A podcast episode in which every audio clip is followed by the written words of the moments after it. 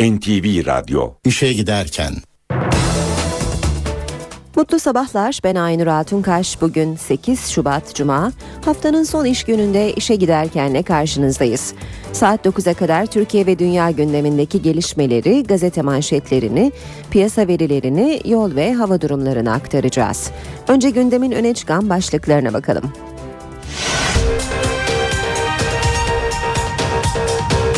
Kalp ameliyatı geçiren balyoz davası hükümlüsü emekli orgeneral Ergin Saygun'un tahliyesine karar verildi. Amerikan Büyükelçi Richard One, Türk yargı sistemine getirdiği eleştirilerin ardından tepki gördüğü Hüseyin Çelik'e mektup gönderdi, yanlış anlaşıldım dedi. AK Parti'nin yüksek yargının yapısının değiştirilmesine yönelik önerileri muhalefetin tepkisini çekti.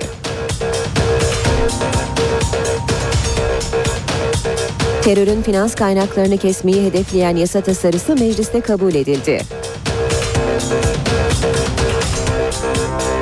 İslam İşbirliği Teşkilatı zirvesi için Mısır'da bulunan Cumhurbaşkanı Abdullah Gül, Mısırlı mevkidaşı Muhammed Mursi ile görüştü. İşe giderken gazetelerin gündemi.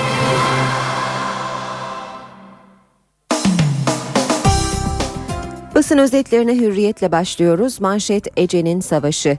Balyoz hükümlüsü emekli orgeneral Ergin Saygun'un kızı Ece başlattığı Twitter kampanyasıyla babasının tedavisi için büyük bir mücadele verdi. Daha önce iki kez açık kalp ameliyatı geçiren Ergin Saygun, hastanede kaptığı virüs nedeniyle dün sabah bir kez daha ameliyata alındı. Ece Twitter'da dakika dakika gelişmeleri anlatıp kan çağrısı yaparken, uysa da şu kalbimi söküp sana versem, dayan Ergin Saygun, dayan e, canımın canı mesajını yazdı. Ameliyat sürerken gelen ceza ertelendi haberi doğrulanmadı. Adli tıptan Saygun'un hastanede yatarak tedavisine devam edilmesinin uygun olduğu raporu mahkemeye ulaştı. Ece Saygun babamı rapora rağmen tahliye etmeyen mahkeme heyetiyle ilgili tüm hukuki girişimlerde bulunacağım dedi. Yine Hürriyet gazetesinden tüm gazetelerde bugün e, göreceğimiz e, acı bir kaza haberi var. Go kart pistinde dehşet e, demiş Hürriyet başlıkta. Adapazarı'ndaki bir alışveriş merkezinin otoparkında oluşturulan pistte go karta binen 24 yaşındaki Sakarya Üniversitesi Çevre Mühendisliği öğrencisi Tuğba Erdoğan hızla bariyere çarpınca başı koparak öldü. Dün saat 13.30 sıralarında meydana gelen olayda emniyet kemerinin üst şeridini göğsü yerine boynuna geçirdiği ileri sürülen genç kız go kartı aşırı hızla kullanıyordu. Tuğba virajı dönerken bariyere çarpıp feci şekilde can verdi. Milliyet gazetesi bir gün bile yatmaları fazla diyor manşette 2011'de Genelkurmay Başkanı Koşaner'le birlikte emekliliğini isteyen 3 kuvvet komutanından biri olan Yiğit tutuklu silah arkadaşlarına kefil olduğunu söyledi. Silah arkadaşlarım darbecilikle terör örgütü üyesi olmakla suçlanıyorlar. 52 sene üniforma giymiş, 45 sene fiili görev yapmış bir komutan olarak bu arkadaşlarımın masumiyetlerine olan inancımı koruyorum. Bir insan masumum diyen evladının masumiyetine nasıl inanırsa ben de arkadaşlarımın masumiyetine öyle inanıyorum. Benim indimde değil 16 sene 18 sene ceza almaları bir gün bile cezaevinde yatmaları fazladır. Emekli Deniz Kuvvetleri Komutanı Eşref Uğur Yiğit'in açıklamaları bugün Milliyet'in manşetinde. Go-kart pistlerindeki e, emniyet tartışmalarını beraberinde getiren e, kazayı bugün Milliyet gazetesinde de birinci sayfada görüyoruz. Bir başka haber İmralı'ya ev gündemi sarstı. E, İmralı cezaevine ev inşa edildiği haberi Ankara'da yankı yarattı. Adalet Bakanlığı kısa bir açıklamayla inşaat çalışması olmadığını bildirdi. Ancak bakanlık daha önce bütün cezaevlerinde eşle görüşme için bağımsız bölüm oluşturulacağını açıklamıştı. Devam ediyoruz. Amerikan Büyükelçisi'ne dışişlerinden uyarı başlığıyla Ergenekon ve balyoz davaları ile ilgili eleştirilerde bulunan Amerika'nın Ankara Büyükelçisi Richard One dün Dışişleri Bakanlığı'na kritik bir ziyaret gerçekleştirdi. 2 saat 20 dakika süren görüşmede Richard One açıklamaları nedeniyle uyarılırken elçilik saldırısı uzun uzun ele alındı. Sabahta da haberi Manşette görüyoruz başlık Ekselansa az konuş uyarısı. Dışişleri Müsteşarı Sinirlioğlu Türkiye'nin iç işlerine yönelik sözlerinden ötürü Richardone'ye çok açık mesajlar verdi deniyor haberde. Devam edelim basın özetlerine Cumhuriyet Gazetesi ile CD'ler yolda doğurdu diyor manşet. Casusluk davası sanığı subayın el konulan belgeleri adliye yolunda çoğalınca tahliye çıktı. Deniz Yüzbaşı Özgür İkiz'in evinde el konulan 183 CD'nin adliyede kutular açıldığında 227'ye çıkması insanların yaşamlarıyla nasıl oynandığını ortaya koydu. Avukat Atilla Ertekin 8 aydır tahliye istemlerinin reddedildiğini belirterek İzmir 12. Ağır Ceza Mahkemesi toplanan delillerin hukuka uygun olmadığına kanaat getirerek tahliye kararı verdi dedi. Devam edelim basın özetlerine. Sırada Vatan gazetesi var. Vatan'da adli skandal manşetini görüyoruz. Emekli Orgeneral Ergin Saygun 45 gündür adli tıptan cezaevinde kalamaz raporu bekliyordu. O rapor ancak dün ameliyat masasındayken geldi demiş Vatan'da haberinde. Devam ediyoruz yine Vatan'dan bir haberle. Tüm dersler internette. Milli Eğitim tüm müfredatı internete taşıyor. Öğrenci kaçırdığı, anlamadığı dersi evde tekrar edebilecek. 7-8 ayda başlayacak sistemde akıllı tahtada ders anlatan öğretmen videoları ve deneyler de var deniyor haberde. Bir spor haberi özel uçakla geliyor. Galatasaray'ın son transferi Didier Drogba bugün İstanbul'da olacak. Galatasaraylı yöneticiler ülkesi fil dişi sahilleri Afrika Uluslar Kupası'nda elenince 3 gün dinlenmek için Londra'ya geçen ünlü golcüyü almak için dün özel jetle İngiltere'ye uçtu. Başkan Ünal Aysal'ın da katılacağı heyet bugün Drogba'yı alıp gelecek. Ancak bu hafta oynama ihtimali zayıf. Habertürk gazetesiyle devam edelim. Kadına şiddetin üçte biri kamudan diyor Habertürk e, bir başlıkta. 5000 asker ve polisin silahına el konuldu. Son 11 ayda şiddet mağduru 12 bin kadına koruma tedbiri alındı. Korunan kadına alkollü yaklaşmaları önlendi. Şiddet uygulayan 15 bin kişinin silahı alındı. Aralarında silah taşıması zorunlu olan 4825 asker ve polis de yer aldı. En fazla şiddet Kuzeydoğu'da Türkiye'nin kadına şiddet haritası çıkarıldı. Kuzeydoğu Anadolu %53 ile birinci, Batı Marmara %25 ile son sırada yer alıyor. Aklı selim mesaj getiren gider demiş Habertürk manşetinde ise dağdakiyle kucaklaşana izin yok diyen Erdoğan İmralı'ya gidecek BDP'liler için yeni kriter getirdi. Mecliste BDP ile anayasal değişiklik yapmaya Sayımız yetmiyor ama referandum için anlaşırsak müşterek adım atabiliriz. Heyet işini arkadaşlarla görüşeceğiz. MİT müsteşarım gitmiş olabilir demiş Başbakan Erdoğan. Akşam gazetesiyle devam edeceğiz. Akşamda manşet çete bahsi kaybetti. 3,5 milyarlık bahis çetesi skandalında ikinci dalga. Operasyonlara aldırmayan çete yine suçüstü yakalandı. Polis Las Vegas kumarhanelerini andıran emlakçıları, kahveleri mühürledi. Eş zamanlı operasyonlarda yakalanan 10 kişi cezaevinde. Bahsin merkez üssü Esenler kırmızı alarma geçti. Yeni Şafak'la devam edelim. İlham kaynağı Muhammed diyor. Yeni Şafak manşetinde minik fedakarlık açılımı için umut oldu. Başbakan Erdoğan'ın Karadenizli vekillerle İmralı sürecini konuştuğu toplantıya bisiklet parasını Vanlı depremzedelere gönderen öksüz ve yetim Muhammed'le ilgili anlatılanlar damga vurdu.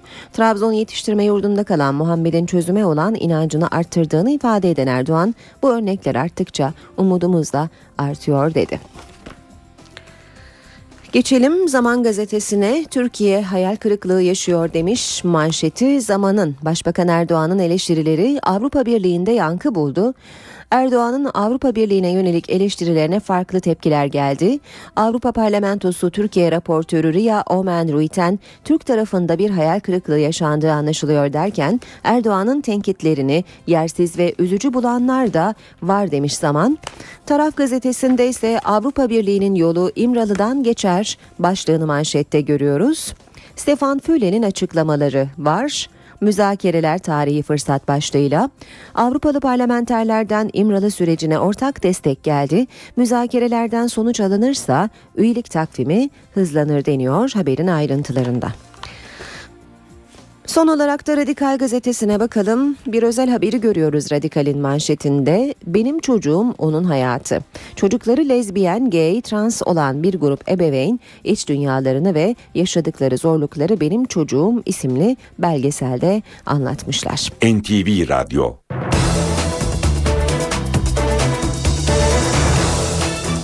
Türkiye ve dünya gündeminin öne çıkan gelişmelerine bakalım.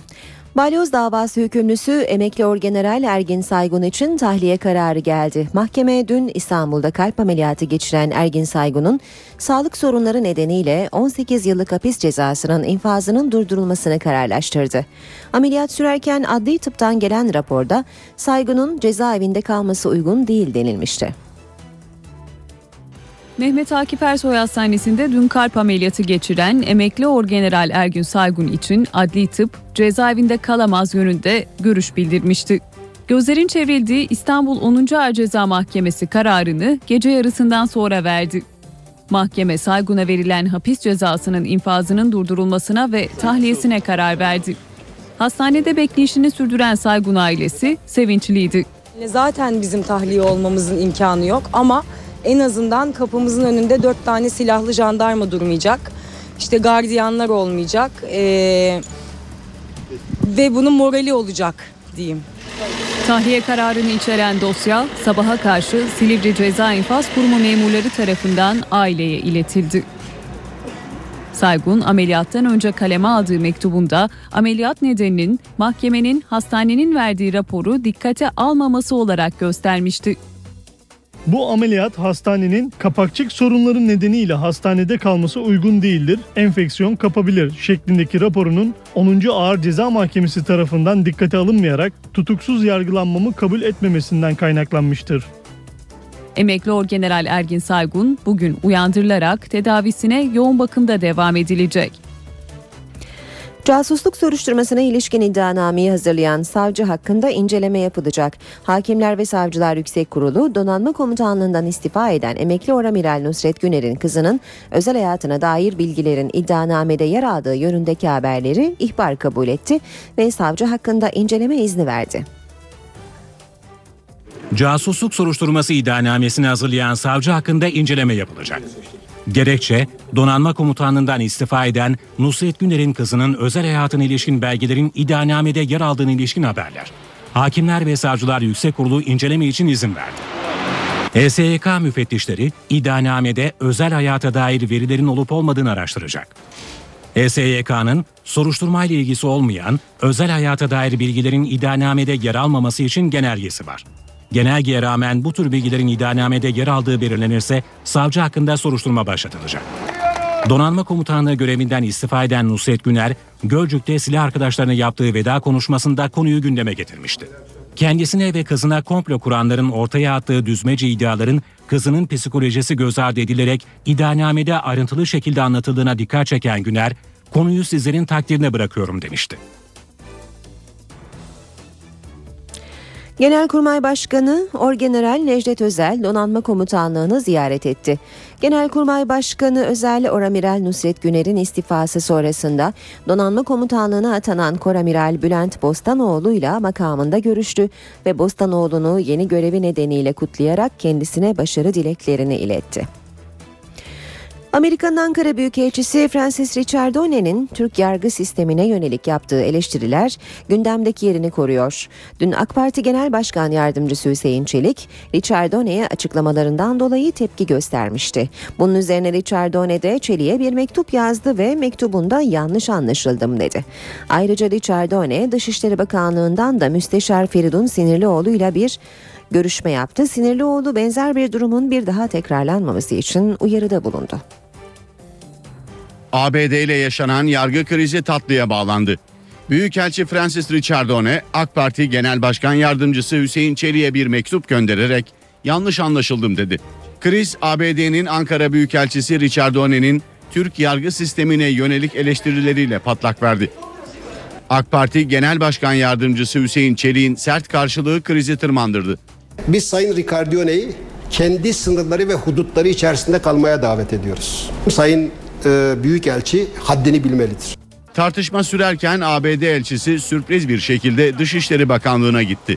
Müsteşar Feridun Sinirlioğlu'yla iki buçuk saat görüştü. Bu görüşme esnasında benim aşağı yukarı açıkladığım ve benim gösterdiğim tepkiye benzeyen bir tepkinin gösterileceğini de tahmin etmeniz gerekiyor. Sinirlioğlu görüşmede Büyükelçiye bu açıklamaların kabul edilemez olduğunu söyledi. Benzer bir durumun bir daha tekrarlanmaması uyarısında bulundu. Görüşme biter bitmez Richard O'Neill'in Hüseyin Çelik'e bir mektup gönderdiği ortaya çıktı. Büyükelçi mektubunda böyle anlaşılmış olmaktan büyük üzüntü duydum dedi. Bir büyükelçi olarak bütün çabasının Türk-Amerikan dostluğu ve ortak menfaatlerine hizmet etmek olduğunu da vurguladı. Mektubuna tartışma yaratan açıklamalarının band çözümünün bulunduğu bir metni de ekledi. ABD Büyükelçiliği kaynakları ise görüşmede başta PKK ve DHKPC olmak üzere terör örgütlerine karşı mücadelede işbirliğinin de masaya yatırıldığı belirtildi. Tartışma muhalefetin de gündemindeydi. Bir ülkenin sorunları bir başka ülkenin büyükelçisi tarafından dile getiriliyorsa oturup konuşmamız lazım. Oturup düşünmemiz lazım. Biz bu ülkeyi yönetemiyoruz anlamı çıkıyor orada. E bildirsinler haddini ya. Bunlar hükümet değil mi? Yani lafla peynir gemisi yürümüyor. Amerikan Büyükelçisi Richard O'Neill'in Türk yargı sistemine yönelik eleştirileri Washington'ın da gündeminde. Amerikan Dışişleri Bakanlığı Sözcüsü Büyükelçi Richard O'Neill, Hillary Clinton'ın söylediklerini sadece tekrar etti dedi. Dışişleri Bakanlığı Sözcüsü Victoria Nuland, eminim bu konularda kamuoyu önünde konuşma fırsatı bulduğunda yeni Dışişleri Bakanı John Kerry de aynısını söyleyecektir değerlendirmesinde bulundu. Bu bizim açımızdan yeni bir şey değil diyen Nuland, Türkiye'nin dostları ve müttefiklerinin sorumluluğu, Türkiye'de hukukun üstünlüğü, insan hakları ve gazeteciler için ifade özgürlüğünün korunmasında ilerleme göstermesinin önemine işaret etmektir şeklinde konuştu. Dün Dışişleri Bakanı Feridun Sinirlioğlu ile Amerikan Büyükelçisi Richard O'Neill bir araya geldi demiştik. Görüşmenin gündeminde sadece Richard O'Neill'in açıklamaları yoktu. Görüşmede terörle mücadele konusu da ele alındı. Küresel teröre karşı işbirliğinin önemine vurgu yapıldı. Amerikan Büyükelçisi Richard O'Neill mecliste dün akşam kabul edilen terörün finansmanını kesmeye yönelik yasayla ilgili görüşlerini de aktardı. Dışişleri Bakanlığı Müsteşarı Feridun Sinirlioğlu ile ABD Büyükelçisi Francis Richard O'Neill'in yaklaşık iki buçuk saat süren görüşmesinin büyük bölümü terörle mücadeledeki işbirliğine ayrıldı. Edinilen bilgilere göre Richard O'Neill önce ABD Büyükelçiliğine düzenlenen saldırının ardından verilen destek ve işbirliği için teşekkür etti. Büyükelçi ve müsteşar daha sonra ABD ve Türk güvenlik uzmanlarının yürüttüğü çift yönlü soruşturmada elde edilen bilgileri konuştu. Görüşmede sadece DHKPC ve PKK terör örgütü değil, küresel teröre karşı da işbirliğinin devamına vurgu yapıldı. Bu kapsamda Richard O'Neill'in Meclis Genel Kurulu'nda kabul edilen terörün finansmanının önlenmesine dair yasa konusundaki çekincelerini anlattığı, uygulamadaki bürokratik sürecin kısaltılması gerektiğine vurgu yaptığı belirtildi. ABD'li yetkililer tasarının daha çok PKK odaklı olduğu ve El-Kaide gibi küresel terör örgütlerine finansal desteği engelleyebilmek için yetersiz olduğu görüşünde. Yasanın terör suçlarını Türkiye'ye dönük suçlar kapsamında değerlendirdiği terör örgütünün tanımının da PKK üzerinden yapıldığı da bir başka eleştiri noktası. Feridun Sinirlioğlu Richard O'Neill görüşmesinde Suriye, İran, Irak ve İsrail konuları da ayrı ayrı ele alındı. Az önce konuyla ilgili Büyükelçi Richard O'Neill'in açıklamalarını dinledik ama haberin içeriğine ayrıntılı olarak bakalım. Söz konusu yasa tasarısı yani terörün finans kaynaklarını kesmeyi hedefleyen tasarı dün akşam Meclis Genel Kurulu'nda kabul edildi. Yeni yasaya göre terör örgütlerine fon sağlayan veya toplayanlara 5 yıldan 10 yıla kadar hapis cezası verilecek. Terörizmin finansmanının önlenmesini öngören düzenleme Meclis Genel Kurulu'nda kabul edildi. Geçen yılki görüşmeleri sert tartışmalar sonucu yarıda kalan tasarının 22 Şubat'a kadar yasalaşması gerekiyordu. Başkan sözü. Aksi takdirde Türkiye'nin Ekonomik Kalkınma ve İşbirliği Örgütü Mali Eylem Görev Gücü üyeliği askıya alınacaktı. Yasa küresel terörizme karşı da devletler arasında etkin bir işbirliği öngörüyor. Yasaya göre terör örgütlerine fon sağlayan veya toplayan kişi 5 yıldan 10 yıla kadar hapis cezası ile cezalandırılacak. Bu kapsamda Türkiye teröre destek veren şirketlerin yurt dışındaki mal varlıklarının dondurulmasını yabancı devletlerden isteyebilecek. Aynı şekilde yabancı devletlerde ülkelerinde teröre destek veren şirketlerin mal varlıklarının dondurulması için Türkiye'ye başvurabilecek. Başvurunun uygun bulunması halinde şirketin Türkiye'deki mal varlıkları dondurulacak. Amerika Birleşik Devletleri'nin Ankara Büyükelçiliğine yönelik intihar saldırısında yaralanan arkadaşımız Didem Tuncay'ın numune hastanesindeki tedavisi bir haftadır devam ediyor. Didem Tuncay'ı bugün bir operasyon daha bekliyor. Önümüzdeki hafta hastaneden taburcu olması beklenen Didem'in dün önemli ziyaretçileri vardı. Ankara'da ortak bir basın açıklaması yapmaları da planlanmıştı. NTV eski diplomasi muhabiri gazeteci Didem Tuncay hızla iyileşiyor. Bir haftadır Ankara Numune Hastanesi'nde kalan Tuncay, Cuma günü gözünden ikinci kez ameliyat olacak. Göze yönelik bir operasyon olacak. Hafta sonunu burada geçireceğini daha önce ifade etmiştik. Önümüzdeki hafta içerisinde bir gün o konuda henüz e, bir planımız yok. Taburculuğun kesin günü belli değil. Görme fonksiyonunun kaybı söz konusuydu. E, Şekil bütünlüğüne yönelik e, cerrahi ameliyat. Yarınki planladığımız ameliyat bu ameliyat. Öte yandan siyasilerin ziyaretleri de sürüyor. Sağlık Bakanı Mehmet Müezzinoğlu ve CHP lideri Kemal Kılıçdaroğlu Tuncay'ı ziyaret etti. Oldukça sağlıklı bir süreç, tedavi süreci gelişti. Güzel haberler aldık. Ailesi mutlu. Büyük üzüntü duyuyor ama sağlığına kavuşması açısından mutlu. Kısa süre içinde de tedavi olup evine dönerse onlar da bir arada huzur içinde yaşamaya devam edecekler. Avrupa Birliği Bakanı Egemen Bağış da kardeşim dediği Didem Tuncay'ı ziyaret eden isimler arasındaydı. Onun bizim üzerimizde hakkı var, hukuku var. Didem'in durumu maşallah çok çok iyi. 6 kilo TNT'nin patladığı bir ortamdan sağ kurtulmak zaten büyük bir mucizedir. Tek ihtiyacı var dua. O konuda da bütün milletimize çağrıda bulunuyorum. Didem için dua edelim. Yarın da gözle ilgili bir ameliyata girecek. AK Parti'nin yüksek yargının yapısının değiştirilmesine dönük önerileri yeni bir tartışma başlattı. Başbakan Yardımcısı Bekir Bozdağ ve AK Parti Sözcüsü Hüseyin Çelik önerilerin arkasında ancak öneriye muhalefetten tepki var. Muhalefete göre bu öneriler demokrasiye darbe. Bu bir reformdur. Bu olması gerekendir. Yargıya bir müdahale söz konusu değil arkadaşlar. Yargı bağımsızdır. Yargı tarafsızdır. Dolayısıyla bu teklifimizi verdik. AK Parti sözcüsü Hüseyin Çelik, Anayasa Uzlaşma Komisyonu'na sundukları yargı paketine ilişkin eleştirileri bu sözlerle yanıtladı. Önerilerini reform olarak niteledi. Temiz mahkemesi adı altında bütün yüksek yargının tek çatı altında toplanması partimizin iradesiyle verilmiş olan bir karardır. Danıştay, Yargıtay yok edilmiyor. Bunlar bir çatı altında toplanıyor arkadaşlar. Eleştirilere bir yanıtta Başbakan Yardımcısı Bekir Bozdağ'dan geldi. Bozdağ, Yargıtay, Danıştay ve Askeri Yüksek İdare Mahkemesi'nin kaldırılmasıyla yargıdaki çok başlılığın engellenmek istendiğini ifade etti, önerileri yargı ayrılığını ortadan kaldıran bir girişim olarak niteledi. Muhalefete göre ise öneriler demokrasiye darbe anlamına geliyor. Dün ortaya konulan teklif açık bir şekilde gösteriyor ki Sayın Başbakan'ın Adalet ve Kalkınma Partisi'nin kuvvetler ayrılığına tahammülü yoktur. Bunun anlamı kuvvetler ayrılığına, demokrasiye elveda demektir. Haklının hukuku değil üstünlerin hukuku geçerli olacaktır. Bu yapılanmanın amacı ve hedefi budur. Bunlar Haşmet Bab'ın yargısını oluşturmak istiyorlar. Yargıyı siyasetin emrine vermek yanlıştır. Bunun bütün üyelerinin tespitinde siyaseti dominant yani belirleyici, etkili, yetkili kılmak yanlıştır. Yerel seçimlere bir yıldan uzun bir zaman var. Ancak siyasi partiler şimdiden hazırlıklara başladı.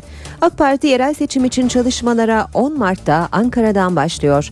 Belediye başkanlarını Ankara'da toplayarak yerel seçimler hedef 2014 toplantısı düzenleyen CHP çalışmalarına başladı bile. MHP lideri Bahçeli ise 1 Mart'ta bayrak mitingiyle yerel seçimler için çalışmaları başlatacak. AK Parti, CHP, MHP 3 partide kollarını sıvadı. Hedef 2014 Mart'ında yapılacak yerel seçimler. Yerel seçimler hedef 2014. Toplantımızın adını böyle koyduk. CHP lideri Kemal Kılıçdaroğlu partisinin belediye başkanlarını Ankara'da topladı. Seçim çalışmalarını başlattı. Ancak Kılıçdaroğlu'nun gündemi 2014 yerel seçimlerinden çok CHP'li belediyelere yönelik operasyonlardı. Sizde sistemli bir baskı uygulanıyor. Ayağınıza çelme takılıyor. Hizmet üretmeyin diye özel çaba harcanıyor. Hiçbir belediye başkanımızın verilmeyecek hesabı yoktur. Seçimle gelen bir belediye başkanının ancak ve ancak seçimle gitmesi gerekir demokrasilerde. AK Parti Mustafa Ataş'ın başkanlığını yaptığı Seçim Koordinasyon Merkezi ise yerel seçim çalışmaları için takvimi belirledi. Çalışmalar 10 Mart'ta Ankara'da başlayacak. Başkentteki ilk toplantı sonrasında Temmuz ayına kadar 26 kentte benzer toplantılar düzenlenecek.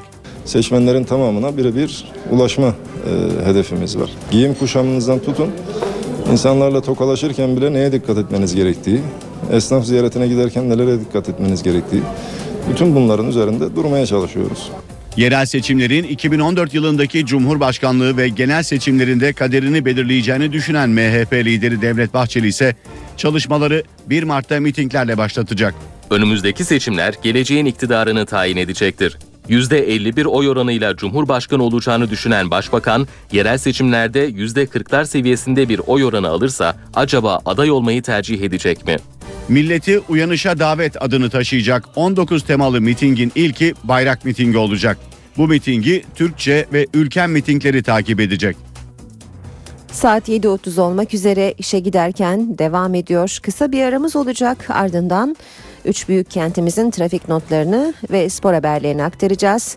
Ara vermeden önce gündemin başlıklarını bir kez daha hatırlatalım. Dün kalp ameliyatı geçiren balyoz davası tutuklusu emekli orgeneral Ergin Saygun'un tahliyesine karar verildi. Amerikan Büyükelçi Richard One, Türk yargı sistemine getirdiği eleştirilerin ardından tepki gördüğü Hüseyin Çelik'e mektup gönderdi, yanlış anlaşıldım dedi. AK Parti'nin yüksek yargının yapısının değiştirilmesine yönelik önerileri muhalefetin tepkisini çekti.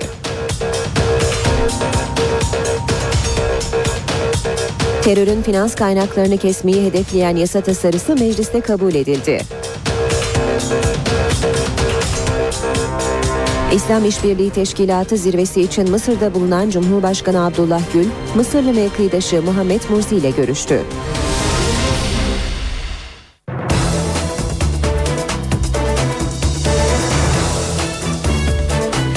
Üç büyük kentimizin trafik notlarıyla devam edeceğiz. Saatimiz 7.37'yi gösteriyor. İstanbul'a başlayalım. İstanbul'da e, yer yer zemin ıslak, yağmur var, e, yer yer e, yağıyor yağmur. Kaza haberi yok ancak yağmur sebebiyle e, bir e, rutin cuma trafiğinden daha fazla bir yoğunluk olduğunu söylemek mümkün.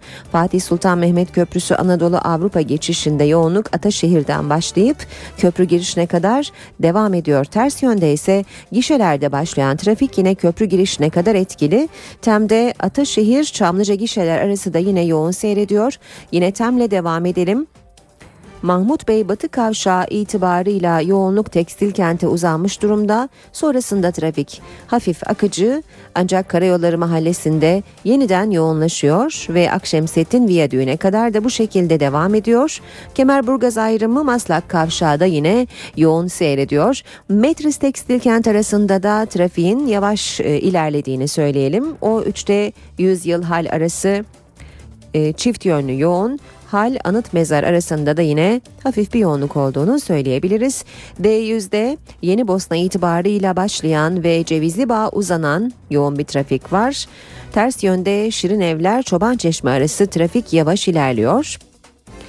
Devam edelim E5 ile yine Topkapı Otakçılar arası yoğun. Devamında Haliç'te başlayan ve Darül Adeze'ye uzanan yoğunluğu görüyoruz. Küçükçekmece Avcılar arası çift yönlü bir yoğunluğa sahip. Anadolu yakasıyla devam edelim. Anadolu yakasında E5 karayolunda Kartal Kavşağı'nda çalışmalar sebebiyle yoğunluk var. Küçük Yalıkoz yatağı arasında çift yönlü hafif bir yoğunluk olduğunu söyleyelim. Ve Boğaziçi Köprüsü Anadolu Avrupa geçişinde yoğunluk Çamlıca itibarıyla başlıyor. Köprü girişine kadar bu şekilde devam ediyor. Ters yönde Mecidiyeköy'de başlayan köprü çıkışında da bir süre devam eden yoğun bir trafik olduğunu söyleyebiliriz. Ankara trafiğiyle bakalım birkaç e, güzergah aktaralım. Gençlik Parkı Kavşağı Atatürk Orman Çiftliği Kavşağı arasını sürücüler 12 dakikada kat edebilirler. Dikmen Aşti arası 11 dakikada, Dikmen Kızılay arası 10 dakikada aşılabilir. Devam edelim yine Ankara'dan birkaç güzergah aktaralım. Kızılay Ulusararası 7 dakika. Sincan Sanayi uluslararası 43 dakikada e, kat edilebilir. Keçiören Kavşağı Ulus e, 10 dakikada geçilebilir. Dikmen Ulus 17 dakikada. E, ve Aşti Cebeci 13 dakikada e, kat edilebilir. İzmir'e bakalım. İzmir'de de e, hangi e, güzergahların e, yoğun olduğunu kısaca aktaralım. Adnan Menderes Havalimanı Alsancak arası 24 dakikada geçilebilir. Bornova Alsancak 15 dakika. Konak Karabağlar e, Konak yönünde 6 dakikada. Konak Karşıyaka arası ise 22 dakikada geçilebilir. Karşıyaka Mavişehir 10 dakikada kat edilebilir. Alsancak Mavişehir arasına 17 dakikada ulaşabilir. E, gidebilir sürücüler. Bornova'dan Karşıyaka'ya ise 24 dakikada ulaşabilirler.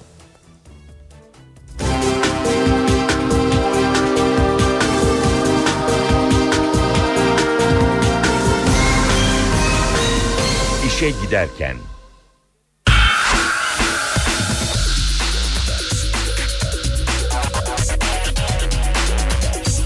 spor sayfaları.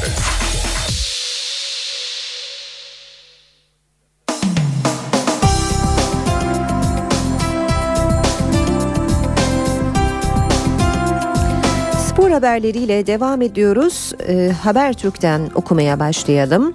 Fenerbahçe Başkanı Aziz Yıldırım'ın açıklamalarını görüyoruz. Ne istifası savaşacağım başlığıyla. Sarı lacivertlilerin patronu taraftarla girdiği bilet kavgası nedeniyle kendisini istifaya davet edenlere bu yanıtı verdi ve bu konuda sonuna kadar mücadele edeceğini söyledi. Manipülasyon iddiaları vardı transferlerle ilgili olarak e, Aziz Yıldırım'ın Galatasaray'ı hedef alan yanıt geliyor Ünal Aysal'dan mesnetsiz ve gereksiz şeklinde Galatasaray Kulübü Başkanı Fenerbahçe patronunun Snyder ve Drogba'yı ima edip manipülasyonla elde edilen gelirlerle yapılan transferler yorumuna bu cevabı vermiş Ünal Aysal. Habertürk Spor'un manşeti ise oy birliği tükürmüş. Tahkim kurulu Beşiktaş maçında Oğuzhan'a tükürdüğü gerekçesiyle 4 maç ceza alan Galatasaraylı Felipe Melo'yu dinledi. Kararı onadı. Melo dün Futbol Federasyonu'nun İstinye'deki binasına gidip o hareketinin nedenini Brezilya usulü senden korkmuyorum diye açıkladı. Kutsal değerleri üzerine yemin edip tükürmediğini söyledi. Galatasaraylı yönetici Sedat Doğan da Miraleş olayını hatırlatıp aynı adil davranışı beklediklerini söyledi. Tahkimse hakem raporunda bulunan hususların aksine ispata yeter kuvvetle delil ve emare olmaması yanında olayın gerçekleştiği anda rakip takım futbolcusunun tepkisi ve diğer oluşa dair tespitler dikkate alınarak yapılan itirazın reddine oy birliğiyle karar verildi açıklaması yapıldı.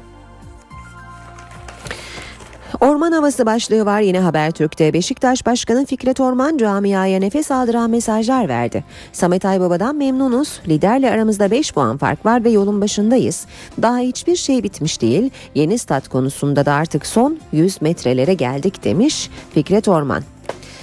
Milliyetin spor sayfalarıyla devam edeceğiz. İlk başlık param da olsa almazdım. Beşiktaş Kulübü Başkanı Fikret Orman'ın açıklamalarını yine görüyoruz. Siyah beyazlı kulübün patronu Drogba ve Snyder gibi transferlerin aklından hiç geçmediğini söyledi. Bir takımda bir oyuncu 6 milyon euro kazanırken diğer oyuncu 500 bin euro alıyorsa olmaz. Birileri iyi elma birileri kötü elma olursa oradan takım ruhu çıkmayacağına inananlardanım dedi. Kupayı özledik. Samet Aybaba hedef göstererek takımı baskı altında tutmak istemediğini söyledi. Çünkü baskıyı kaldıracak oyuncu sayımız az. Baskı olmasın diye haftalık yaşamak istedik. Kupa kazanmayı gerçekten çok özledik demiş. Dick Kite'la giderdik. Fenerbahçeli yöneticiler Snyder'i almak isteseydik İrfan Aktar'ın dediği gibi Hoydonk'la değil Snyder'in milli takımdan oda arkadaşı olan Kite'la İtalya'ya giderdik diyerek Galatasaray Divan Başkanı'na tepki göstermiş. Yine Milliyet'ten okuyalım. Brezilya uzak. Milli takımın sorunu ne ve Dünya Kupası'na katılma şansı var mı sorusuna yanıt arıyor. Milliyet gazetesi yazarlara sorulmuş. Yazarların büyük çoğunluğu takım oyunundan uzak olduğumuzu, kadronun deneme tahtasına döndüğünü, 11'in gözden geçirilmesi gerektiğini söylemişler. Ayrıca futbolumuzun geleceğini belirleyiş yöntemi ve Türkiye'deki yıldız sayısının azlığından yakınan da var diyor Milliyet haberinde. Devam ediyoruz spor haberleri aktarmaya işe giderken de Aysal'dan nokta az önce aktardık ee, Ünal Aysal'ın Aziz Yıldırım'a cevabını. Verilecek cevabım yok bunlar hem mesnetsiz hem gereksiz söylemler demiş Ünal Aysal. İlk Gülen Vakıfbank ilki Türk ekibinin karşı karşıya geldiği Şampiyonlar Ligi çeyrek finalinde Eczacıbaşı'nı devirdi. Final Four yolunda bir adım öne geçti. Vakıfbank 3-1 kazandı karşılaşmayı. Hürriyet gazetesinin de spor sayfalarına bakalım. İlk imza imparatora diyor başlık. Didier Drogba Galatasaraylı olurken neler yaşandı neler konuşuldu. Yıldız golcünün önüne sözleşmeden önce iki adet parçalı forma bırakıldı. Bülent Tulun fil dişi sahille yıldızı renklerine bağlamak için Cape Town'a hazırlıklı gitmişti. Yanında getirdiği formalardan ilkini teknik direktör Fatih Terim, diğerini de başkan Ünal Aysal için Drogba'ya imzalattı. Hürriyet gazetesinin spor sayfalarından aktarmaya devam ediyoruz. Garanti vermeyene maç bileti yok. Sözleşme karşılığı maç. Fenerbahçe kulübünden ilginç bir tribün uygulaması. Mersin'e gideceklere olay çıkarmayacaklarına dair taahhütname imzalatıldı. Sarı lacivertli yönetim bir ilk olan bu uygulamayla tribünde taşkınlık yaparak kulübü zor duruma düşürebilecek kişilere dava açma hakkına sahip olacak deniyor haberin ayrıntılarında. Bir basketbol haberiyle devam edelim. Aslan kükreyişi Galatasaray Türkiye Kupası çeyrek finalinde Anadolu Efes'i saf dışı bıraktı. Sarı Kırmızılar Euroleague Top 16'da zirveye oynayan Sarı e, Lacivert Beyazları ikinci yarıdaki üstün oyunuyla devirerek yarı finalde Banvit'in rakibi oldu. Maçın skoru 72-64 ve son başlık Hawkins'e dava. Galatasaray ikinci doping numunesinin de pozitif çıktığı belirtilen basketbolcusu için resmi rapor geldikten sonra sözleşmesini feshedecek, tazminat almaması için de mahkemeye verecek.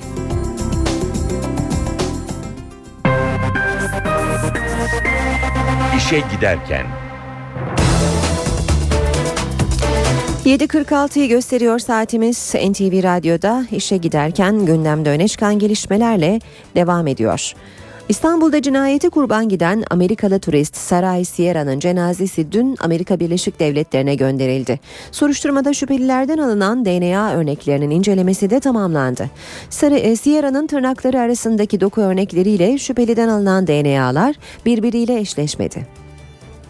8 Ocak'ta Türkiye'ye geldi. Beyoğlu'nda bir ev tuttu. 14 Ocak'ta Hollanda, oradan da Almanya'ya gitti. 5 gün sonra yeniden İstanbul'a geldi. 21 Ocak'ta kaybolduğu duyuruldu. 13 gün sonra 2 Şubat'ta cesedi can kurtarandaki tarihi surlarda bulundu. Amerikalı turist Saray Sierra'nın cenazesi Beyoğlu'ndaki kiliseden alınarak Amerika Birleşik Devletleri'ne gönderildi. Saray Sierra cinayetinin üzerindeki sır perdesi henüz aralanmadı. 200 kişi ifade verdi. 22 şüphelinin kan ve tükürük örneği alındı. Amerikalı kadının İstanbul'da görüştüğü Taylan Rumuzlu şüpheli de bu kişiler arasındaydı. Ama bu örneklerde sonuç vermedi. Sara'nın tırnakları arasındaki doku örnekleriyle şüphelilerden alınan DNA'lar birbirini tutmadı. Ve en çok merak edilen soru. Sara'nın bilgisayarı ve cep telefonu nerede? Polis aramaya devam ediyor. Amerikalı turistin cenazesinin bulunduğu yere de kimse yaklaştırılmıyor. Polis can kurtarandaki tarihi surların olduğu bölgede delil arıyor. Cinayetin çözülebilmesi için Amerikalı turistin internet üzerinden mesajlaştığı tüm kişiler de mercek altında. FBI ajanlarına göre ise Sara Türkiye'de suça karışmış bazı isimlerle görüştü. Bursa'da hava kirliliği önemli ölçüde arttı. Son günlerde kentte gökyüzü sisle kaplandı. Yapılan incelemede ise kirliliğe yol açan en önemli etkinin kömür sobaları olduğu ortaya çıktı. Bursa'da son günlerde gökyüzü sisle kaplı. Havaların soğumasıyla artan hava kirliliği tedirgin ediyor. Kente bölge bölge inceleme yapan uzmanlar hava kirliliğine yol açan 3 etken tespit etti. İlk sırayı kömür sobaları aldı. Bu doğalgazın yaygınlığı bütün Bursa e, merkezindeki bütün konutlarda kullanılıyor anlamına gelmiyor. Buradaki 1 milyon konuttan %35'inde soba yakılıyor. Kalitesiz kömürde hava kirliliğine ciddi anlamda etki ediyor. Sanayileşme ve hızlı nüfus artışı da hava kirliliğini artırıyor. Bursa e, bildiğiniz gibi sanayi kenti ve sürekli e, göç alan bir kent. Sanayiden çıkan baca gazlarının da kent yaşamını olumsuz yönde etkilediğini ve bununla ilgili de aslında önlemeye yönelik ciddi önlemlerin alınmadığını biliyoruz. Sorunun çözümü için kentteki hava kalitesi ölçüm istasyonlarının sayısı 4'ten 9'a çıkarıldı. İncelemeler tamamlandığında temiz hava eylem planı oluşturulacak. Kuş cenneti Adana'nın Akyatan Lagünü çevre felaketiyle karşı karşıya. 250 kuş türü için yuva olan lagün bataklığa dönüşüyor. Bu felaketin sebebi ise sanayi atıkları. Flamingolar, turnalar, karabataklar. 250 kuş türünü barındıran Akyatan Lagünü bataklığa dönüşüyor. Yaşam alanının çeşitliliği, barındırdığı hayvan ve bitki türleriyle uluslararası öneme sahip Akyatan Dalyanı var olma savaşı veriyor. Adana'da 90 bin dönüm alan üzerine kurulu lagün hızla kirleniyor. Akyatan kuş cennetindeki en büyük tehlike drenaj kanalları, lagüne dökülen drenaj kanalları bölgeyi bataklığa çeviriyor. Geçtiğimiz günlerde 43 bin flamingoyu ağırlayan Akyatan Lagünü'nde kirliliği önlemek için Orman ve Su İşleri Bölge Müdürlüğü çalışmalara başladı. alanın tamamında bir koruma ve bu alanda e, iyileştirme yapılması, kuş gözlem yerlerinin yapılması, e, kuş gözlemliğinin cazip hale getirilmesi bölge müdürlüğümüz üzerine düşen vazifesini fazlasıyla yapacaktır. Akyatan Lagünü 1987 yılında Orman Bakanlığı'nca yaban hayatı koruma sahası ilan edildi. Karar bölgedeki canlı sayısını hızla arttırdı. Özellikle kış aylarında donan göllerde barınma sıkıntısı yaşayan kuşlar Çukurova'ya göçerek Akyatan Lagünü'ne yerleşti. Market, lokanta ve pastanelerde de helal dönemi başlıyor. Daha önce gıda ürünlerine helal sertifikası veren Türk Standartları Enstitüsü artık market ve kafeterya gibi işletmelere helal hizmet belgesi vermeye başladı. Bu işletmelerde sertifikası olmayan hiçbir ürün satılamayacak. Pastahaneler, lokantalar, yemek fabrikaları ve marketler müşterilerine artık helal gıda menüsü de sunacak. Türk Standartları Enstitüsü helal hizmet belgesi vermeye başladı. Helal marketlerde yalnızca helal sertifikası olan gıda maddeleri satılabilecek. Sertifikayı alan hizmet tesislerinde ise helal ve helal olmayan hizmetler bir arada sunulmayacak. Karma tesislerde müşteriye sunulacak helal ürünler helal menü başlığı altında gruplandırılacak. Helal menü gruplarında hiçbir suretle alkollü içecek servisi edilmeyecek. Helal belgesi TSE tarafından verilecek. Kurum adına inceleme yapan heyette bir İslam uzmanı yer alacak. Heyet raporunu 4 TSE personeliyle bir Diyanet İşleri Başkanlığı personelinden oluşan komisyona iletecek. Helal sertifikası verilirken kullanılan cihazlardan kılık kıyafetin üretildiği malzemeye kadar pek çok farklı başlık incelenecek. Yasa dışı ama engellenemiyor. İnternetten korsan müzik indirmede birinci sırada Amerika Birleşik Devletleri, ikinci sırada ise İngiltere var. Listede Türkiye yer almıyor. Şimdiye kadar yasa dışı müzik indirilen 160 bine yakın internet sitesi kapatıldı ama yine de Türkiye'de müziğin %70'inin korsan olduğu ifade ediliyor. Sanatçıların en büyük derdi telif hakkı. Eserlerinin izinsiz kullanılmasını önleyemiyorlar. Günümüz teknoloji dünyasında bunun önüne geçmek daha da zorlaştı. Suç olmasına karşın müzik albümleri internette ücretsiz olarak paylaşılıyor. Peki en çok korsan müzik hangi ülkede indiriliyor? Hakların en çok korunduğu düşünülen Amerika, korsan müzik indirme listesinde birinci sırada. Amerikalılar geçen yıl internetten 96 milyon şarkı indirdi. Şarkıları en çok indirilen sanatçı Drake. Korsan müzik indirme konusunda batılı ülkelerin sicili de iyi değil. Listede ikinci sırada İngiltere var. 43 milyon şarkının izinsiz indirildiği İngiltere'yi İtalya ve Kanada izliyor.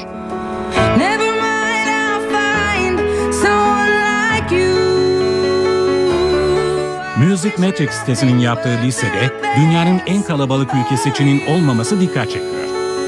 Peki Türkiye'de durum ne? Listede Türkiye'nin adı geçmiyor. Ancak musiki eserleri sahipleri Meslek Birliği MESAM'ın verilerine göre Türkiye'de müziğin %70'i korsan. Korsanla mücadele kapsamında 160 bine yakın internet sitesi kapatıldı. Yine de müzik sektörü korsan yüzünden her yıl 468 milyon dolar zarar ettiğini iddia ediyor. İstanbul'un en önemli ulaşım aracı metrolar her gün binlerce kişiye hizmet veriyor. Metrolar her ay rutin kontrolden geçiyor. Dört günde bir de yıkanıp dezenfekte ediliyor. Metrolar, elektrikli yeraltı trenleri, İstanbul'un en hızlı ve güvenilir ulaşım sistemi. Hatlar henüz kısa ancak İstanbul trafiğinin önemli bir yükü üzerlerinde. Enişte katsa Şişhane Hacı Osman metro hattı. Hat uzunluğu 16,5 kilometre, istasyon sayısı 13, sefer süresi 27 dakika.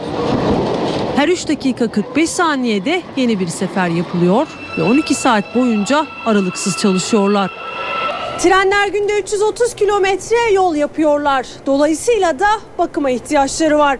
Bu istasyonda trenlerin hem periyodik kontrolleri yapılıyor hem de arıza çıktığında tamirleri. Seyrantepe'deki metro bakım atölyesi hiç boş kalmıyor. Yerin 30 metre altındaki bakım atölyesinde 50 kişi çalışıyor. Gün sonunda çalışmasını tamamlamış veyahut da gün içerisinde arızalanmış veyahut da gün içerisinde yine bakıma alınacak olan trenler buraya çekiliyor.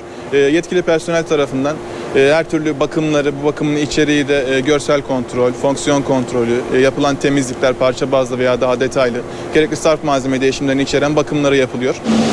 Ve vagonların temizliği. Yılda 2,5 milyon kilometre yol kat eden metrolar için temizlik en az mekanik bakım kadar önemli. Şişhane Hacı Osman metro hattı günde ortalama 280 bin yolcu taşıyor. Bu hattın güvenliği de yine Seyrantepe istasyonunda bulunan komuta merkezinden sağlanıyor. NTV Radyo Günaydın herkese yeniden. İşe giderken az sonra hava durumuyla devam edecek. Önce gündemin başlıklarını hatırlatalım. Dün kalp ameliyatı geçiren balyoz davası tutuklusu emekli orgeneral Ergin Saygun'un tahliyesine karar verildi. Amerikan Büyükelçi Richard One, Türk yargı sistemine getirdiği eleştirilerin ardından tepki gördüğü Hüseyin Çelik'e mektup gönderdi, yanlış anlaşıldım dedi. AK Parti'nin yüksek yargının yapısının değiştirilmesine yönelik önerileri muhalefetin tepkisini çekti.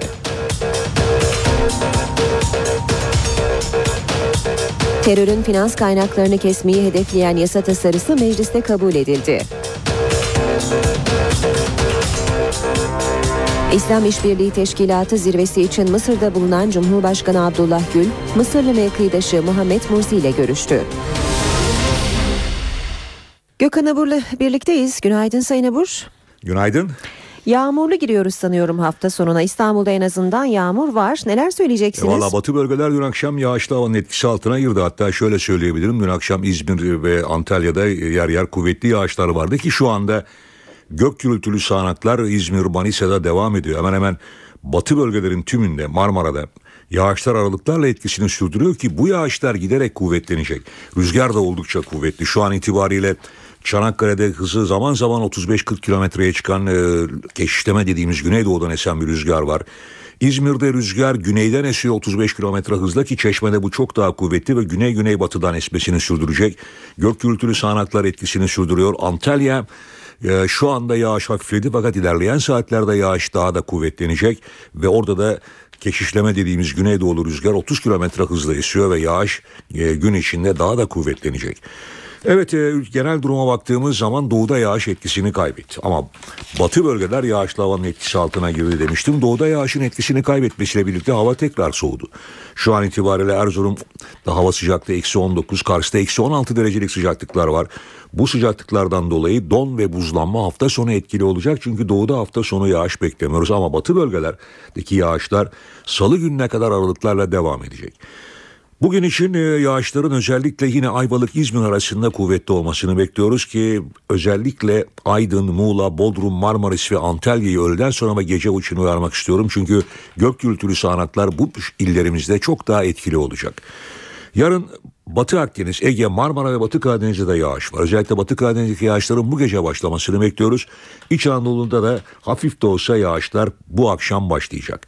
Pazar günü ise Ege ve Batı Akdeniz'de yine kuvvetli sağanaklar var. Özellikle yine Antalya başta olmak üzere Güney Ege ve Batı Akdeniz'deki bu yağışlar yer yer gök gürültülü sağanaklar şeklinde olacak ki bu tip yağışlar Antalya ve civarı başta olmak üzere yer yer dolu yağışlarına da sebep olabiliyor. Aşırı elektrik yüklü bulutların oluşturduğu bu sistemlerde gök gürültüsü ve şimşek oldukça etkili. Yağışlar pazartesi günü hemen tüm ülkeyi etkisi altına alacak. Pazar günden itibaren hafta sonu sıcaklıklar e, batıdan yani Marmara'dan başlayarak 4-5 derece azalıyor. Bu azalıştan dolayı pazar gecesi ve pazartesi günkü yağışların Trakya'da yer yer kar ve karla karışık yağmur şeklinde olmasını bekliyoruz. Pazartesi günü doğu çok soğuk demiştim. Doğudaki yağışlar da yer yer yoğun olmak üzere kar şeklinde olacak. İç kesimlerde de yine karla karışık yağmur görülürken batıdaki yağmur aralıklarla da olsa devam edecek. Salı gününe kadar yağış var diye söyleyebilirim Evet. özellikle batıda. Evet teşekkür ediyoruz. Gökhan Abur ediyorum. bizimleydi. İşe giderken. İşe giderken gazetelerin gündemi.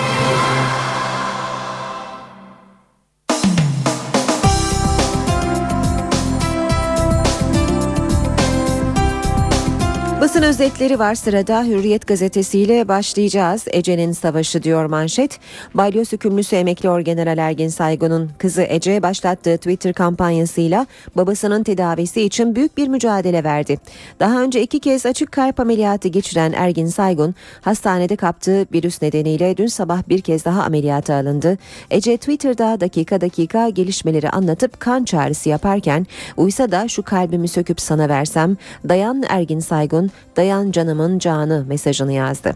Ameliyat sürerken gelen ceza ertelendiği haberi doğrulanmadı. Adli tıptan Saygun'un hastanede yatarak tedavisine devam edilmesinin uygun olduğu raporu mahkemeye ulaştı. Ece Saygun babamı rapora rağmen tahliye etmeyen mahkeme heyetiyle ilgili tüm hukuki girişimlerde bulunacağım dedi. Adapazarı'nda yaşanan akıllara durgunluk veren bir kaza haberi bugün tüm gazetelerde var.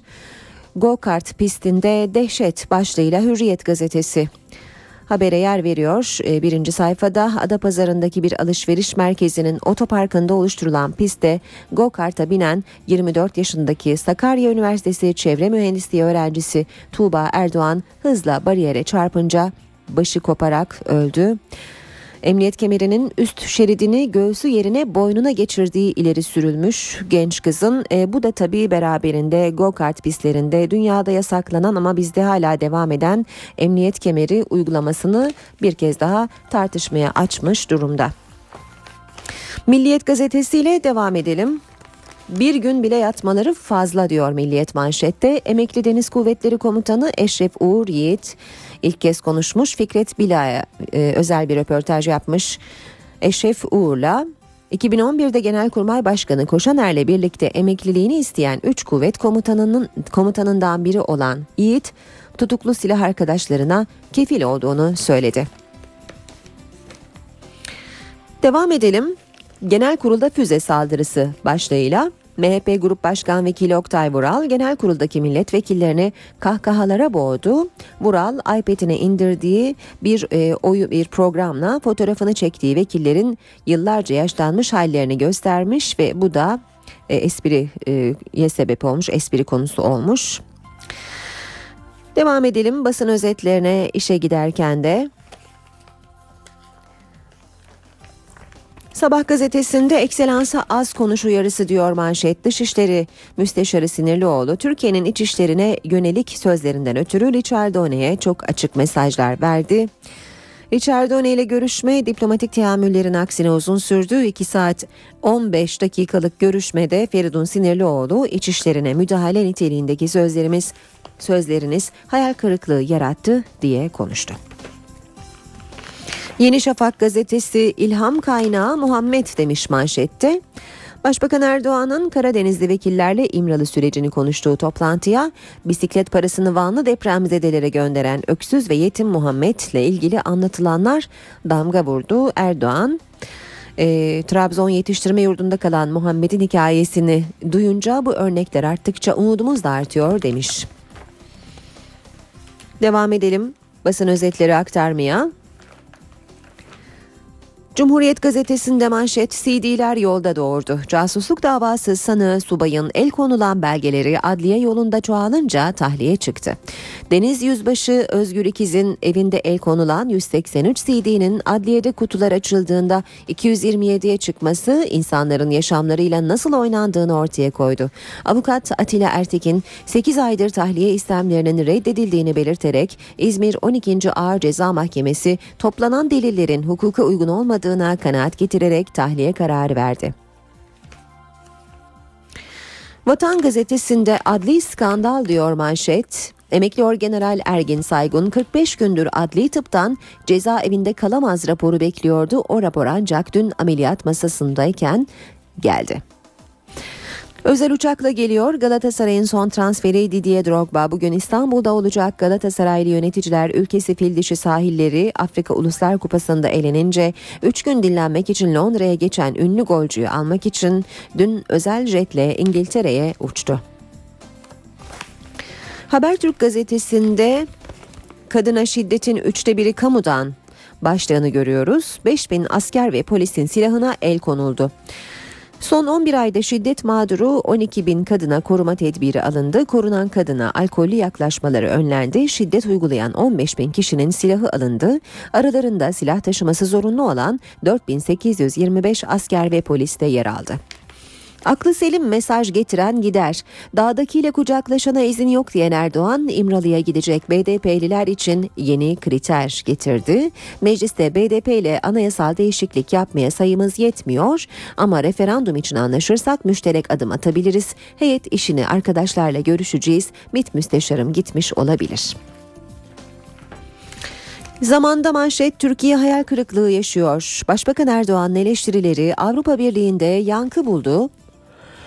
Erdoğan'ın Avrupa Birliği'ne yönelik eleştirilerine farklı tepkiler geldi. Avrupa Parlamentosu Türkiye raportörü Ria Omen Ruiten Türk tarafında bir hayal kırıklığı yaşandığı anlaşılıyor derken Erdoğan'ın tenkitlerini yersiz ve üzücü bulanlar da var denmiş. Taraf gazetesinde ise Avrupa Birliği'nin yolu İmralı'dan geçer başlığını manşette görüyoruz. Avrupa Parlament Avrupalı parlamenterlerden İmralı sürecine ortak destek geldi. Müzakerelerden sonuç alınırsa üyelik takvimi hızlanır.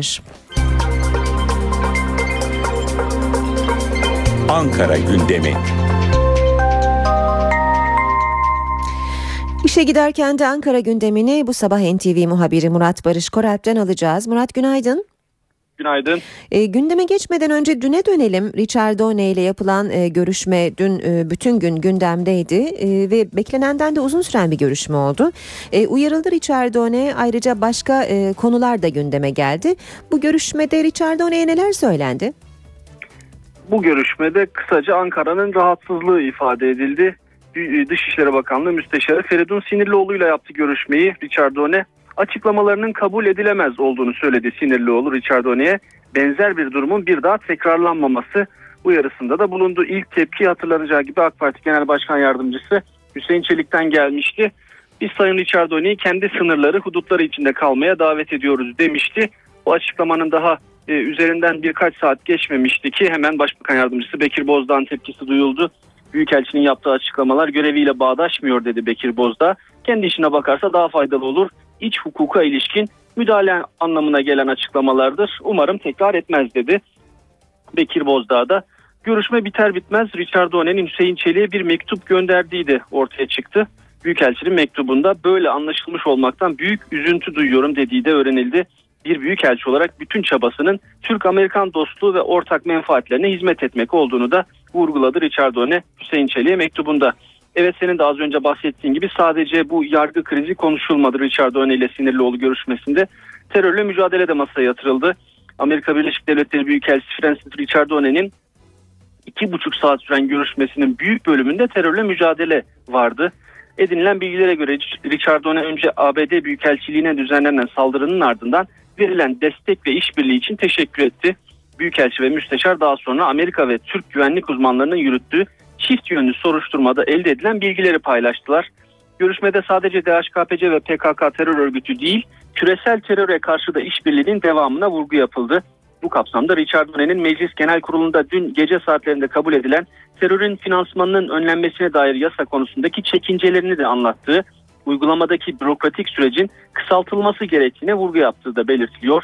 Amerikalı yetkililer tasarının daha çok PKK odaklı olduğu ve El-Kaide gibi küresel terör örgütlerine finansal desteği engelleyebilmek için yetersiz olduğu görüşünü bu görüşmede de tekrarladılar.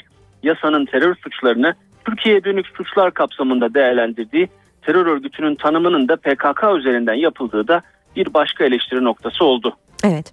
Ee, tabii bugüne de geçelim. Bugün e, en önemli gündem başlıklarından biri eski çalışma arkadaşımız Didem Tuncay'ın e, sağlık durumu olacak. Zira onu bugün bir ameliyat bekliyor. Yanı sıra e, gündeme ilişkin neler söyleyeceksin Murat? Evet Didem bugün bir operasyon geçirecek. Gözünden bir operasyon geçirecek. E, şekil bütünlüğünün sağlanmasına yönelik bir operasyon olduğunu doktorları daha önceki açıklamalarında ifade etmişlerdi. Önümüzdeki haftada hastaneden ayrılmasını bekliyoruz. Dört gözle bekliyoruz Didem'i tekrar aramızda görmek için. Rutin gündemde ise siyaset cephesinde Başbakan Erdoğan Partisi'nin Merkez Yürütme Kurulu toplantısına başkanlık edecek saat 14'te. Milli Eğitim Bakanlığı'nda bir program var. Bakanlıkla üniversiteler arasında Ankara, Gazi ve Yıldırım Beyazıt Üniversiteleri arasında yapılacak eğitim işbirliği protokolü imza töreni var. Milli Eğitim Bakanı Nabi Avcı katılacak. Daha sonrasında ise denizcilik eğitimi istişare toplantısı var. Ona da yine Milli Eğitim Bakanı Nabi Avcı katılacak. Meclis Genel Kurulu dün terörizmin finansman dair yasa tasarısını görüştü, kabul etti. Bugün genel kurul çalışmıyor ancak milletvekillerinin basın toplantıları var. CHP Tekirdağ Milletvekili Faik Öztürk, yine Ankara Milletvekili CHP'nin Aylin Nazlı Aka ve MHP Grup Başkan Vekili Oktay Vural basın toplantısı düzenleyecekler. Gündeme ilişkin konuları değerlendirecekler. Rutin gündemde ekonomi cephesinde ise Türkiye İstatistik Kurumu'nun açıklayacağı rakamlar var. Aralık 2012 dönemine ilişkin sanayi üretim endeks rakamlarını açıklayacak TÜİK. Ve öğleden sonra da bir e, özelleştirme ihalesi var. Elektrik Üretim AŞ'ye ait Kangal Termik Santrali'nin özelleştirme ihalesinde nihai pazarlık görüşmesi bugün yapılacak. Evet Murat Barış Koralp teşekkür ediyoruz. Kolay gelsin.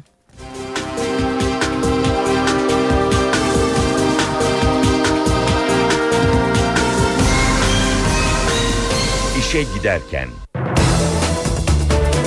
Saat 8.21 gündemdeki gelişmelere yakından bakmaya devam edelim. Balyoz davası hükümlüsü emekli orgeneral Ergin Saygun için tahliye kararı geldi. Mahkeme dün İstanbul'da kalp ameliyatı geçiren Ergin Saygun'un sağlık sorunları nedeniyle 18 yıllık hapis cezasının infazının durdurulmasını kararlaştırdı. Ameliyat sürerken adli tıptan gelen raporda Saygun'un cezaevinde kalması uygun değil denilmişti. Mehmet Akif Ersoy Hastanesi'nde dün kalp ameliyatı geçiren emekli orgeneral Ergün Saygun için adli tıp cezaevinde kalamaz yönünde görüş bildirmişti. Gözlerin çevrildiği İstanbul 10. Ağır Ceza Mahkemesi kararını gece yarısından sonra verdi. Mahkeme Saygun'a verilen hapis cezasının infazının durdurulmasına ve tahliyesine karar verdi. Hastanede bekleyişini sürdüren Saygun ailesi sevinçliydi. Zaten bizim tahliye olmamızın imkanı yok ama en azından kapımızın önünde dört tane silahlı jandarma durmayacak. İşte gardiyanlar olmayacak. Ee, ve bunun morali olacak diyeyim. Tahliye kararını içeren dosya sabaha karşı Silivri Ceza İnfaz Kurumu memurları tarafından aileye iletildi. Saygun ameliyattan önce kaleme aldığı mektubunda ameliyat nedeninin mahkemenin hastanenin verdiği raporu dikkate almaması olarak göstermişti. Bu ameliyat hastanenin kapakçık sorunları nedeniyle hastanede kalması uygun değildir. Enfeksiyon kapabilir şeklindeki raporunun 10. Ağır Ceza Mahkemesi tarafından dikkate alınmayarak tutuksuz yargılanmamı kabul etmemesinden kaynaklanmıştır. Emekli Orgeneral Ergin Saygun bugün uyandırılarak tedavisine yoğun bakımda devam edilecek. AK Parti'nin yüksek yargının yapısının değiştirilmesine dönük önerileri yeni bir tartışma başlattı. Başbakan yardımcısı Bekir Bozdağ ve AK Parti sözcüsü Hüseyin Çelik önerilerin arkasında. Ancak öneriye muhalefetten tepki var. Muhalefete göre bu öneriler demokrasiye darbe. Bu bir reformdur. Bu olması gerekendir. Yargıya bir müdahale söz konusu değil arkadaşlar. Yargı bağımsızdır. Yargı tarafsızdır. Dolayısıyla bu teklifimizi verdik. AK Parti sözcüsü Hüseyin Çelik, Anayasa Uzlaşma Komisyonu'na sundukları yargı paketine ilişkin eleştirileri bu sözlerle yanıtladı. Önerilerini reform olarak niteledi. Temiz mahkemesi adı altında bütün yüksek yargının tek çatı altında toplanması partimizin iradesiyle verilmiş olan bir karardır. Danıştay, Yargıtay yok edilmiyor. Bunlar bir çatı altında toplanıyor arkadaşlar. Eleştirilere bir yanıtta Başbakan Yardımcısı Bekir Bozdağ'dan geldi. Bozdağ, Yargıtay, Danıştay ve Askeri Yüksek İdare Mahkemesi'nin kaldırılmasıyla yargıdaki çok başlılığın engellenmek istendiğini ifade etti, önerileri yargı ayrılığını ortadan kaldıran bir girişim olarak niteledi. Muhalefete göre ise öneriler demokrasiye darbe anlamına geliyor. Dün ortaya konulan teklif açık bir şekilde gösteriyor ki Sayın Başbakan'ın Adalet ve Kalkınma Partisi'nin kuvvetler ayrılığına tahammülü yoktur. Bunun anlamı kuvvetler ayrılığına, demokrasiye elveda demektir. Haklının hukuku değil, üstünlerin hukuku geçerli olacaktır. Bu yapılanmanın amacı ve hedefi budur. Bunlar Haşmet Bab'ın yargısını oluşturmak istiyorlar. Yargıyı siyasetin emrine vermek yanlıştır. Bunun bütün üyelerinin tespitinde siyaseti dominant yani belirleyici, etkili, yetkili kılmak yanlıştır. Yerel seçimlere bir yıldan uzun bir zaman var ancak siyasi partiler şimdiden hazırlıklara başladı. AK Parti yerel seçim için çalışmalara 10 Mart'ta Ankara'dan başlıyor. Belediye başkanlarını Ankara'da toplayarak yerel seçimler hedef 2014 toplantısı düzenleyen CHP ise çalışmalarına başladı bile. MHP lideri Devlet Bahçeli de 1 Mart'ta bayrak mitingiyle yerel seçimler için çalışmaları başlatacak. AK Parti, CHP, MHP 3 partide kollarını sıvadı. Hedef 2014 Mart'ında yapılacak yerel seçimler. Yerel seçimler hedef 2014. Toplantımızın adını böyle koyduk. CHP lideri Kemal Kılıçdaroğlu partisinin belediye başkanlarını Ankara'da topladı. Seçim çalışmalarını başlattı.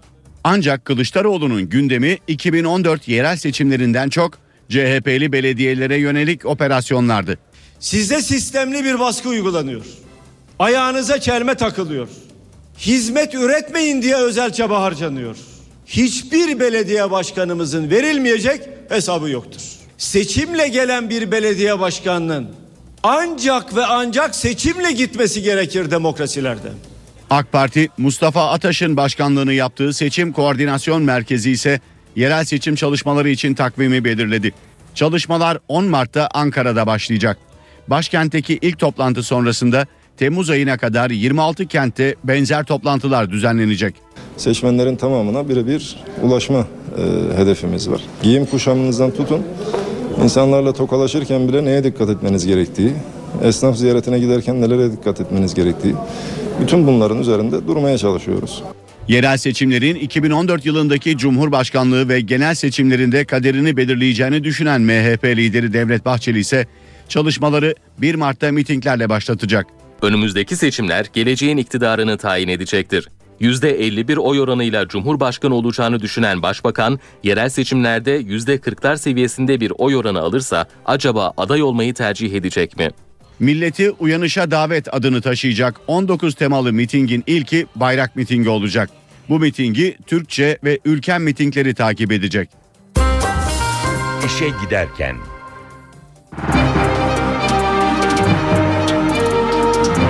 Piyasalarla devam edelim. Borsada dün de sert bir düşüş vardı. İMKB 100 endeksi 1905 puan ve %2,38 kayıpla 78.149 puandan kapandı. Bu sabah serbest piyasada dolar 1.77, euro 2.38'den işlem görüyor. Euro dolar paritesi 1.34, dolar yen 93 düzeyinde. Altının onsu 1670 dolar, kapalı çarşıda külçe altının gramı 95 lira.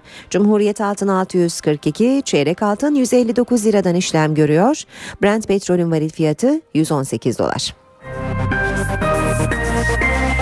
İşe giderken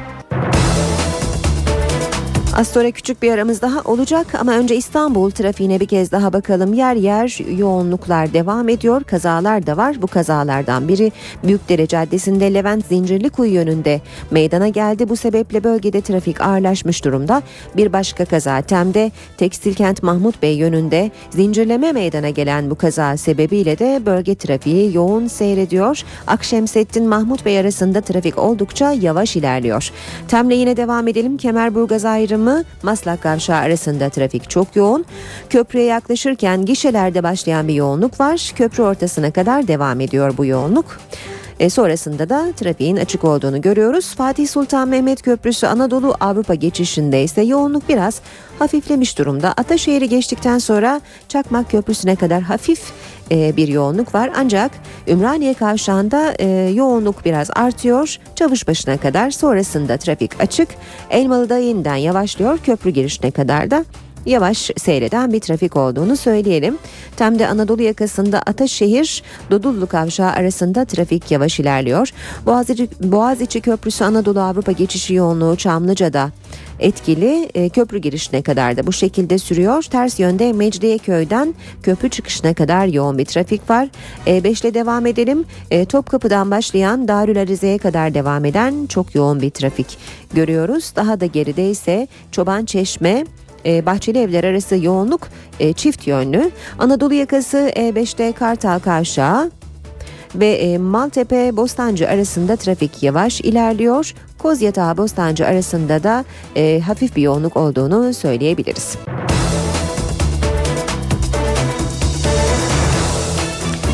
Saat 8.35 NTV Radyo'da işe giderken de birlikteyiz.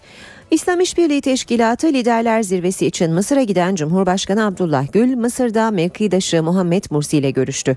Gündemde ikili ilişkiler ve Suriye konusu vardı. Ayrıntıları Gül, Mursi görüşmesini takip eden NTV muhabiri Nuran Milli aktarıyor. 12. İslam İşbirliği Teşkilatı zirvesinde Türkiye'yi temsil eden Cumhurbaşkanı Abdullah Gül, Mısır'ı resmi ziyareti çerçevesinde Cumhurbaşkanı Mursi ile bir araya geldi. Yaklaşık bir saat süren görüşmeden sonra Mursi ve Gül heyetler arası görüşmelere başkanlık etti.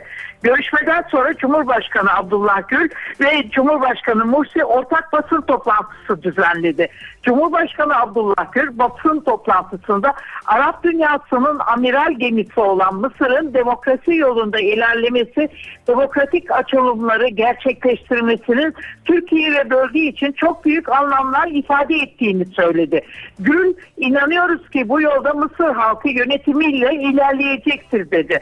Konuşmasında Suriye konusuna da değinen Abdullah Gül, Suriye konusunun hepimiz için birinci öncelikle konu olduğunu söylemek isterim. Suriye'de olup bitenleri seyrederken sanki kendi evimizin içi yanıyor, yıkılıyor, kendi insanlarımız ölüyor gibi oluyoruz dedi. İslam İşbirliği Teşkilatı'nın bundan sonraki dönem başkanlığını 2016 yılında Türkiye'nin üstleneceği açıklandı. Nuran Milli NTV Kahire. Suriye'nin Halep kentinde hem Özgür Suriye ordusu hem de Esad'a bağlı birlikler birbirine üstünlük sağlamaya çalışıyor. Kentte silahlı muhaliflerin safına katılanlar arasında üniversite öğrencileri de var. Öğrenciler keskin nişancı olmak için kamplarda eğitim alıyor. Çatışmaların sürdüğü Suriye'de yıkılmış boş sokaklar hayalet şehri andırıyor. Ülkenin bir zamanlar en gelişmiş kenti sayılan Halep'te de durum aynı. Nüfusun %90'ının terk ettiği Selahattin bölgesinde artık asker ve Özgür Suriye ordusu dışında sokaklarda kimseye rastlamak pek mümkün değil. İsyancıların arasında yaşları 20 ile 25 arasında değişen üniversite öğrencileri göze çarpıyor. Bu öğrenciler çatışmalar yüzünden okulları kapanıp boşta kalınca Özgür Suriye ordusuna katıldı. Halep'te kalıp savaşmak isteyenler şehir dışındaki eğitim kamplarına gönderiliyor. İki hafta boyunca kampta eğitim aldık. Kalaşnikov gibi silahları kullanmayı ve biraz da dövüşmeyi öğrendik. Keskin nişancılık eğitimi alanlar hükümet birliklerine vurmak için günlerce pusuda bekliyor. Artık hiç korkmuyorum. Bir sürü vahşet gördüm. Daha görecek ne kaldı ki? Hem Özgür Suriye ordusu hem de hükümet güçleri Halep'in Selahattin bölgesinde üstünlük sağlamak için savaşıyor. Gözler bugün Tunus'ta olacak. Suikast sonucu öldürülen sol muhalefetin liderlerinden Şükrü Belid toprağa verilecek. Belid'in cenazesine büyük katılım bekleniyor. Ayrıca işçi sendikası suikasta tepki amacıyla grev yapmaya hazırlanıyor. Bu arada hükümetin büyük ortağı Ennahda hareketi Başbakan Hamad Cebali'nin teknokrat hükümet kurma kararını reddetti. Koalisyonda yer alan Cumhurbaşkanı Marzuki'nin üyesi olduğu Sol Parti de hükümet fesih kararına karşı ka- kararına karşı çıkıyor. Avrupa Birliği'nde bütçe maratonu başlıyor. Avrupalı liderler 2014-2020 dönemini kapsayan 7 yıllık ortak bütçeyi onaylamak için toplandı. Avrupa Birliği Komisyonu'nun önerdiği 1 trilyon 33 milyar euro düzeyindeki bütçe Kasım ayındaki zirvede 973 milyar dolara düşürülmesine rağmen onay alamamıştı. İngiltere ve Almanya başta olmak üzere Avrupa'nın lokomotif ekonomileri üye ülkeler gibi Avrupa Birliği'nin de kemer sıkmasını istiyor. Bu yüzden bütçenin daha da küçültülmesi isteniyor. Yunanistan, Portekiz ve İspanya gibi ülkelerse ağır ekonomik kriz karşısında Brüksel'den gelecek fonlara bel bağlamış durumda. Avrupalı liderlerin 2014-2020 bütçesi için 950 milyar euro üzerinde anlaşabileceği belirtiliyor. Berlin Film Festivali başladı. 19 filmin altın ayı için yarışacağı festival, Von Kar-wai'nin yeni filmi The Grand Master filminin galasıyla başladı. Galaya sinema dünyasının ünlü isimleri katıldı. Berlin'i festival heyecanı sardı. 63. Berlin Film Festivali, Hong Konglu yönetmen Wong Kar-wai'nin yönetmenliğini yaptığı The Grand Master filminin galasıyla başladı. Gala dünyaca ünlü oyuncuları kırmızı halıda buluşturdu. O isimlerden biri de Hollywood yıldızı Jane Fonda'ydı. I love Berlin. I've been here many times. Berlin'e aşığım. Buraya birçok kez geldim. Berlin duvarı yıkıldıktan sonra da buradaydım. Snow.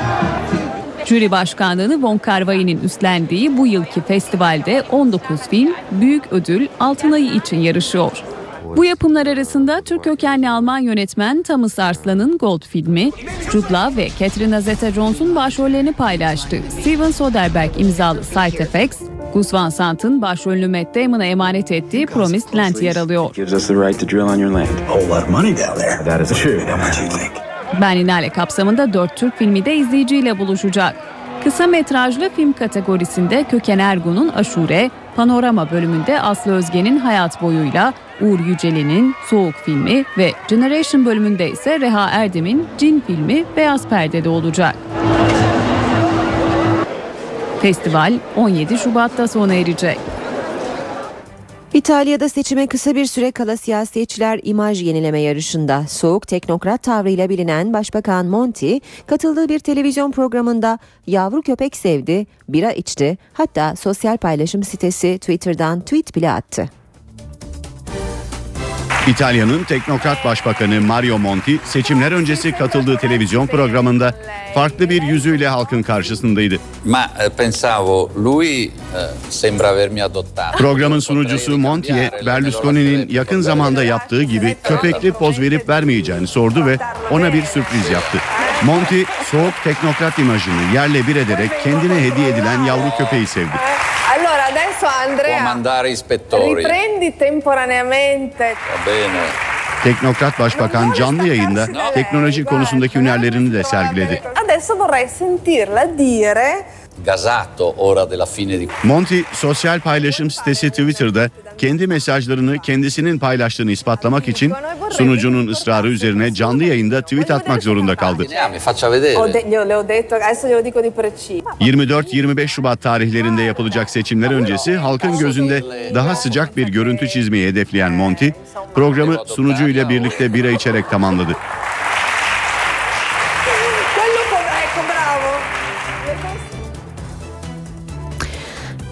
Sayın dinleyenler programımızı kısa bir hatırlatmayla sonlandıracağız. Tedavi gördüğü hastanede solunum yetmezliği nedeniyle yaşamını yitiren usta oyuncu Macide Tanır bugün son yolculuğuna uğurlanacak. Macide Tanır için bugün saat 12'de Ses Tiyatrosu'nda tören düzenlenecek. Tanır'ın cenazesi törenden sonra Teşvikiye Camii'nde kılınacak. İkindi namazının ardından toprağa verilecek. Bu haberle işe giderken sona eriyor. Ben Aynur Altunkaş. Gelişmelerle saat başında yeniden buluşmak üzere. Hoşçakalın. NTV Radyo